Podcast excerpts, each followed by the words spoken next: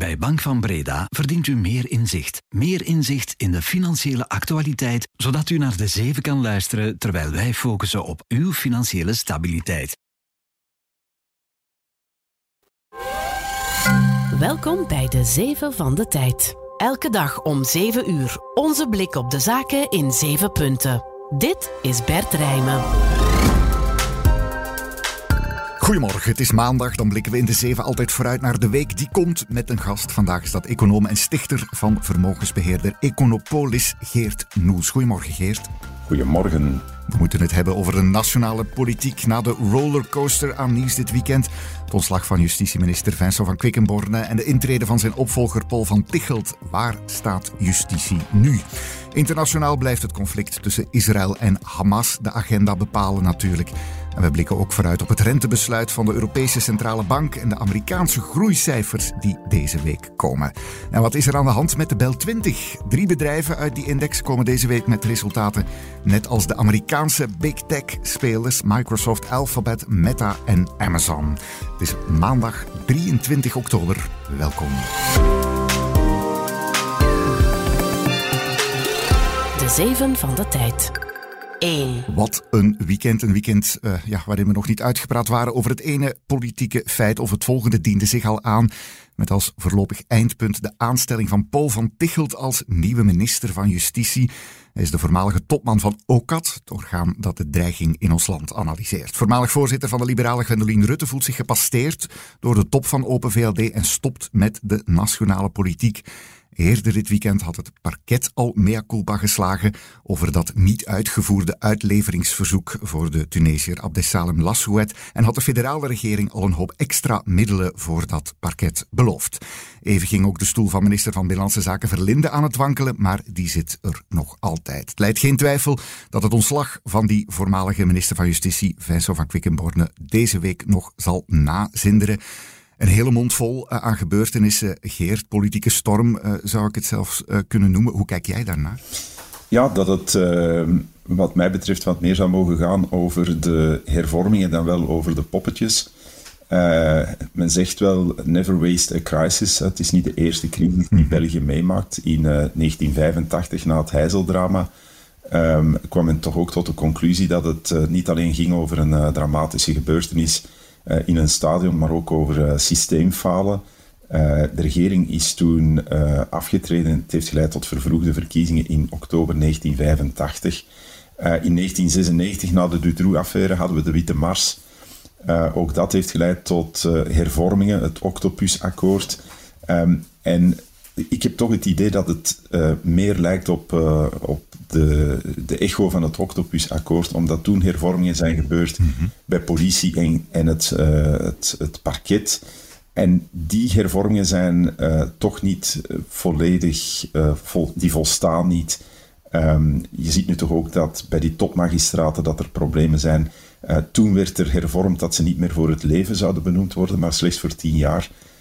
Maar ik heb het idee dat dat niet voldoende is, want als topmagistraten niet functioneren, dan moet, uh, dan moet er nog forser kunnen ingegrepen worden. Dus hopelijk leidt de, de crisis van vandaag ook tot diepgaande hervormingen bij uh, justitie, want um, ja, dat is toch de basis van een, van een goede democratie. En het, uh, het rammelt daar aan alle kanten. Mm -hmm. Dus misschien ja, wat kort dag nu voor deze regering of deze nieuwe minister, om dat nog voor elkaar te krijgen, dan is dat misschien iets wat meer ja, na de verkiezingen echt wel op tafel moet komen volgens jou? Ja, uh, ik denk dat uh, de justitie toch uh, een van die echte pijnpunten is. Hè. Er zijn er natuurlijk wel meerdere. hervormen in, in België is echt nodig. Het, het, het, het, was toch pijnlijk om te zien dat ministers moesten toegeven dat het systeem niet meer werkt. Hè. Um, en dat men ja, bijna verbaasd is dat het meest elementaire, bijvoorbeeld uh, ja, het, het, het weten wie waar zit. Het, uh, men sprak nu, we gaan een database uh, maken van wie uitgewezen moet worden. Als mhm. burger zou je denken dat zo'n database bestaat, maar blijkbaar dus niet. Ehm, dat zijn toch ja, heel grote hiaten die tonen dat deze heel grote overheid die we hebben, dat die, uh, dat die niet functioneert, dat al die departementen ook niet met elkaar uh, kunnen communiceren uh, en dat heel veel van die zaken dus gewoon verloren gaan. En het is geen alleenstaand feit, hè, want soms doet men uitschijnen dat dat het gaat om een fout, een foutje, iets is blijven liggen in een schuif, bij wijze van spreken. Maar waarschijnlijk zit die schuif vol met dingen die vergeten zijn. 2. Internationaal blijft het conflict in Gaza meer dan ooit de actualiteit beheersen. Na de aanval van de terroristische beweging Hamas twee weken geleden voert Israël nu non-stop luchtaanvallen uit op doelwitten in die Gaza-strook. Er zijn ook duizenden mensen, tienduizenden van het noorden van die strook gevlucht of aan het vluchten naar het zuiden onder zeer moeilijke leefomstandigheden. Het Witte Huis meldt dat er nu wel een meer continue stroom van hulp naar Gaza mogelijk zal zijn. President Biden heeft daar de voorbije uren over gebeld met de Israëlische premier Netanyahu. Voorbije weekend zijn ook de eerste twee konvooien met humanitaire hulp vanuit Egypte Gaza binnen kunnen rijden. Uh, ja, conflict wat nog volop bezig is. Uh, Geert, hoe kijk jij daarnaar? ik ben toch ongerust over de erg snelle polarisering bij zowat alle lagen van de maatschappij. Het, uh, het gebrek ook aan, aan verantwoordelijkheidsgevoel van, van sommige media uh, en, en daardoor ook toch wat je ziet is dat het uh, kan leiden tot mogelijk sociale onrust. Dus ik mis kalmte, ik mis evenwicht. het polariseert, iedereen zit in het ene kamp of het andere. Um, conflicten zijn ook helaas van alle tijden, maar door propaganda en activisme via sociale media en andere media is de maatschappelijke impact vandaag, dat zie je veel, veel groter. Um, anderzijds moet je zeggen, en, en het is niet cynisch bedoeld, dat het effect op de wereldeconomie hmm. uh, beperkt is in tegenstelling tot uh, vroegere van dergelijke eventen. Um, hey, en soms ga je bijna vergeten dat er nog een ander groot conflict woedt, hè, de oorlog in Oekraïne, en dat ja. de wereldeconomie, niet tegenstaande dat alles uh, het redelijk goed doet en redelijk stand houdt, Gas- en olieprijzen staan wat hoger dan enkele weken geleden, maar niets dramatisch vergeleken met een jaar geleden. Gasvoorraden in Europa zijn goed vol uh, en door de zwakte van vooral de Chinese economie is er ook geen te sterke vraag. Um, maar goed, hè, uh, de rente is heel sterk gestegen en de zwakte industrie, in de industrie is een factor uh, die samen met die geopolitieke spanningen centrale banken en beleidsmakers toch gaan lopen tot voorzichtigheid thema beheerst uiteraard de internationale politiek, net zoals de oorlog in Oekraïne. Er is donderdag en vrijdag een top in Brussel. De staatshoofden en regeringsleiders kunnen dan of moeten dan op zoek gaan naar een gemeenschappelijk uh, standpunt. Internationaal is er ja, ook nog veel anders uh, aan de gang, uh. Ja, um, ja, je ziet dat, dat von der Leyen in Europa toch wat kwaad bloed heeft gezet door um, een tijdje geleden, een week en een half geleden, naar Netanyahu te gaan zonder een mandaat van de EU-leiders. Uh, dat, dat is opmerkelijk. Um, je moet ook weten, vandaag zit uh, von der Leyen en, en onze Michel in uh, Washington voor een belangrijke top over de handelsbetrekkingen. Um, ze hadden gehoopt daar een, een, akkoord te kunnen sluiten met de Verenigde Staten nog over de, het einde van de, de zogenaamde Trump-tarieven, dus de extra um, lasten die op, op export is gekomen. Um, dat uh, ja, lijkt een, een, flop te gaan worden. Uh, en ja, je ziet toch ook op dit moment dat uh, Biden en de Biden-administratie um, het heel goed doen. dat ze mm -hmm. ook in Israël de juiste dingen doen, daar oproepen tot kalmte. misschien in het achterhoofd dat ze niet de fouten herhalen van de Verenigde Staten na 9-11. Um, deze week is er ook een Europese top, dus het zal moeilijk zijn om naar Brussel te kunnen uh, rijden. Uh, bovenaan op de agenda, uh, ik heb de agenda kunnen inkijken, staat Oekraïne, de begroting, maar ook de toestand van de economie. Opmerkelijk, dus men zal zich toch ook rekenschap geven dat het niet zo goed gaat economisch. Ja. maar ook migratie. en dan zie je waar op dit moment de aandacht naartoe gaat van de Europese leiders en waar ze willen de rangen sluiten of een krachtdadigere uh, bijsturing van uh, ja, het, het, beleid tot nu toe. Dus een, een heel interessante week uh, in de achtergrond met de Europese top en met het overleg tussen de Verenigde Staten en Europa. En alsof dat nog niet genoeg is, is er ook nog eens de Europese Centrale Bank die vergadert donderdag. Waarnemers gaan ervan uit dat ze daar hun belangrijkste rentetarief onveranderd zullen laten op 4%. Dus ECB-voorzitter Christine Lagarde suggereerde na de vorige vergadering zelf dat er een rentepauze deze maand zou komen. Als slot een extra renteverhoging in december niet helemaal uit. Geert, uh, ja, dat is ook nog altijd wel een zeer belangrijke economische context. Dat beleid van die centrale banken. Benieuwd uh, wat betreft die ECB-beslissing? Ja, zeker. Um, ja, tien vergaderingen, de laatste tien vergaderingen en telkens een, een renteverhoging, dat is opmerkelijk. Ja. Als je dat uh, historisch ook bekijkt, uh, dit is de sterkste rentestijging door, door de centrale bank ooit. Natuurlijk, uh, het leven van de ECB is ook nog niet zo lang, maar toch, hè, dus meer dan 4% stijging op ongeveer een 13 maanden. En vergeet niet, hè, in juli 2021 zei Lagarde nog lower for longer. En op 25 augustus van uh, dit jaar zei Lagarde higher for longer. Hè. Dus je ziet, ja. Um, het, um, ja, de uitspraken van de ECB kunnen ook heel snel uh, wijzigen. Um, en ja, de markten beginnen uh, stilaan zich ongerust te maken dat de ECB het aan het overdoen is. Dat ze um, niet alleen de rente uh, aan het, uh, sterk aan het doen stijgen zijn, maar de effecten 18 maanden duren minstens vooraleer ze zijn doorgecijpeld in alle geledingen van de economie. Dus um, opletten dat men daar niet overshoot. Uh, er is nog altijd ook een, een, een, quantitative tightening bezig van 15 miljard euro per maand. Um, dat zijn allemaal toch serieuze ingrepen en je ziet de effecten um, in de Europese economie. Uh, ja, bepaalde sectoren zoals uh, vastgoed uh, bijvoorbeeld staan enorm onder druk. Um, maar in de achtergrond, en daar wordt weinig over gesproken, zit de industrie in Europa in een zeer zware recessie. Dat is toch een, een, een pijnpunt. en ik heb ook het gevoel dat de, de ECB um, niet, het niet heeft over een, een belangrijke discussie, namelijk dat inflatie vorig jaar misschien wel overdreven is geweest, dat die, die cijfers te hoog zijn ingeschat. Uh, in de VS zijn er nu studies dat uh, de inflatie 2 procentpunt te hoog werd ingeschat door um, de shelterinflatie, wordt dat genoemd. En in Europa, mm -hmm. vooral door de energieinflatie. In Nederland is er een studie geweest dat um, de meting van energie mm -hmm. in de inflatie um, tot een overschatting heeft geleid van 2,5 tot 5 procentpunt. Ja, en als je dan weet dat in België automatische indexering bestaat, um, dan zijn dat toch wel dingen die ook mee in het debat mogen. Uh, is de thermometer van de ECB of van uh, de statistische diensten, uh, heeft hij niet een te hoge temperatuur aangeduid en moeten we niet opletten om ehm, met die effecten van die renteverhogingen ook schade aan te richten in het weefsel van de Europese economie.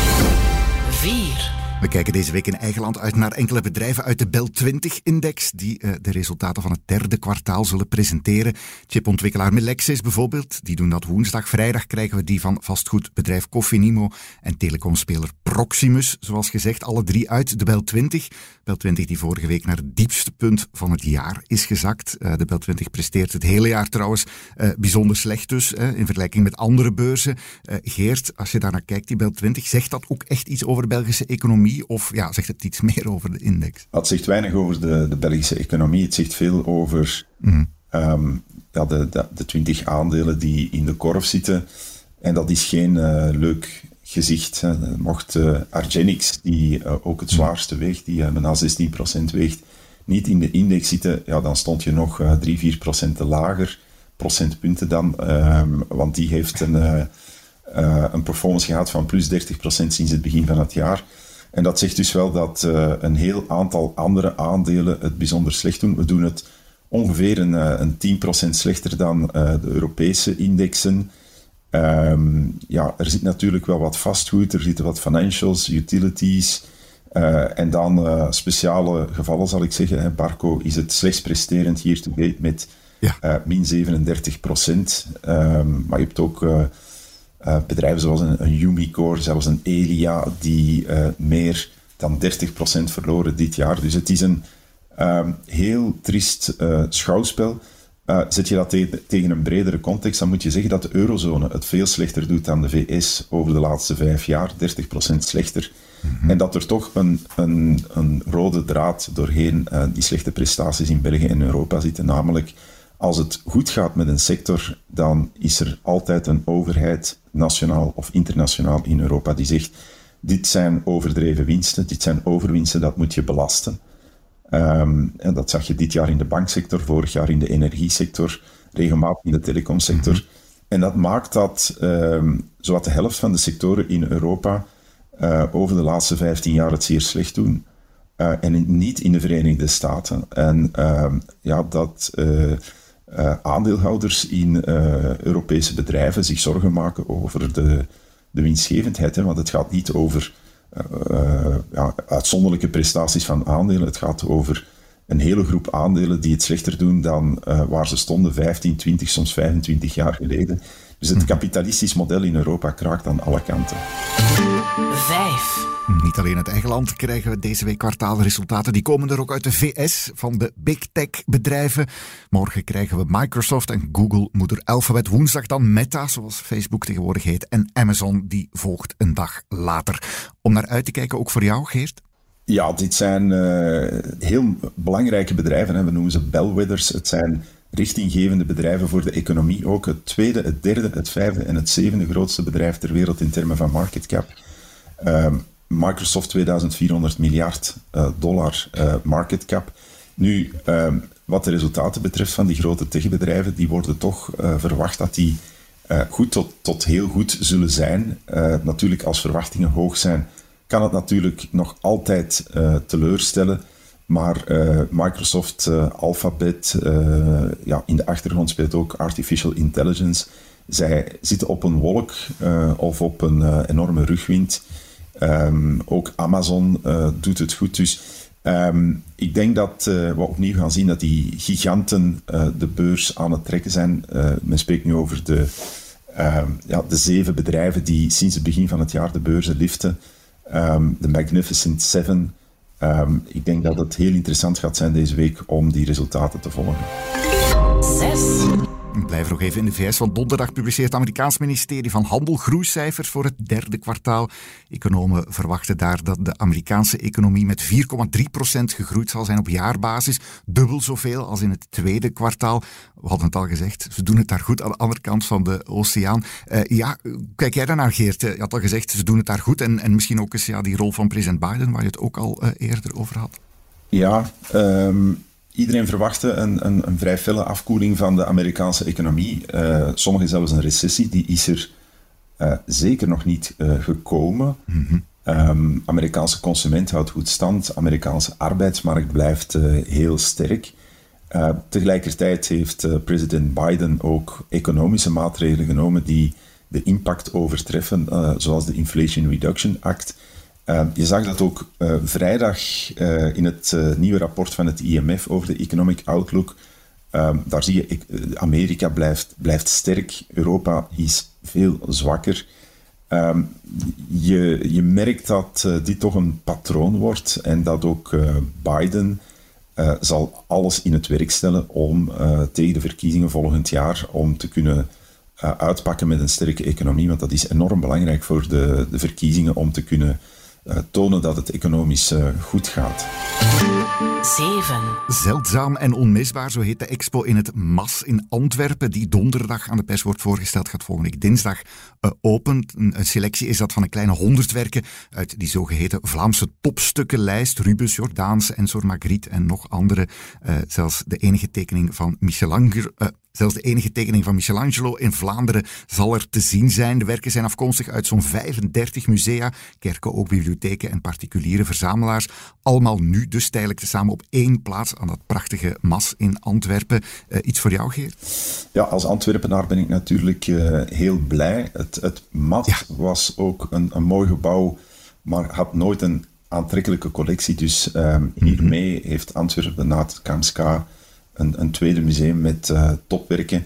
Um, als ik kijk naar de lijst, uh, is het misschien jammer dat men niet samengewerkt heeft met uh, Hans Bourlon en het Kunstuur om, uh, ja, mhm. om, om, samen te werken. Ik denk dat dat heel mooi had geweest, maar ik kijk uit naar heel die mooie collectie van kunst in, in, in Vlaams bezit. Dus dat wordt smullen. Daarmee zit de eerste de zeven van deze week er weer op. Dankjewel voor je inzichten, Geert Noels. Graag gedaan. Een fijne dag nog voor iedereen en tot morgen. Dit was de zeven met Bert Rijmen. Productie door Joris van der Poorten van op de redactie van De Tijd. Bedankt om te luisteren. Morgen zijn we er weer. Tot dan.